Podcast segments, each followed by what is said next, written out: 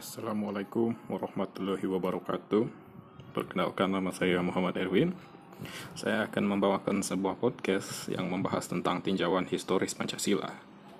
Seperti yang kita ketahui, bahwa Indonesia memiliki sebuah ideologi dan dasar negara yang bernama Pancasila.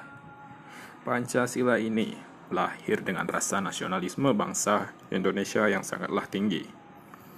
Benih-benih rasa nasionalis tinggi ini telah tertanam dengan kuat dalam pada saat terbentuknya Sumpah Pemuda pada tanggal 28 Oktober 1928 setelah Indonesia terlepas dari penjajahan Belanda. Tampaklah titik terang yang dikarenakan Jepang yang memegang kekuasaan di Indonesia membentuk sebuah lembaga yang bernama BPUPKI. BPUPKI ini membantu untuk merumuskan dasar negara pada sidang pertamanya. Pada masa inilah bangsa Indonesia, rakyat Indonesia sangat bersemangat karena janji yang diberikan oleh Jepang. Tiga orang dari Indonesia memberikan usulan untuk dasar-dasar negara Indonesia. Mereka adalah Supomo, Soekarno, dan Muhammad Yamin. Dalam usulan dasar-dasar negara inilah telah dipikirkan aspek-aspek yang cocok untuk menjadi dasar negara Indonesia. Dengan demikian dipilih nama Pancasila yang berisikan lima dasar negara. 1 Juni merupakan hari yang diperingati sebagai hari lahirnya Pancasila. Setelah semua disusun secara matang, pada sidang kedua BPUPKI, Pancasila disahkan sebagai dasar negara Indonesia.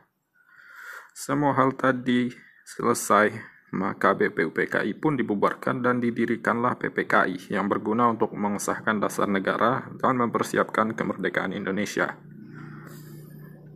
Namun, pada tanggal 16 Agustus 1945 terjadi sebuah peristiwa yang mana kaum muda menculik kaum tua untuk mempercepat proses kemerdekaan negara Indonesia.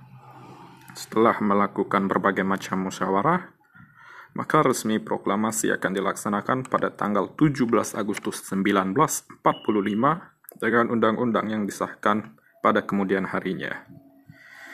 Jadi banyak sekali hal yang telah dilewati oleh para pejuang kita demi disahkannya Pancasila sebagai dasar negara ini.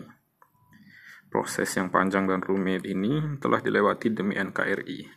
Jadi kita sebagai warga negara rakyat Indonesia haruslah menjaga dengan baik dasar negara kita yaitu Pancasila agar tidak diganggu oleh dasar-dasar yang lainnya dan tidak boleh diganggu oleh paham-paham lain yang menyesatkan bangsa Indonesia.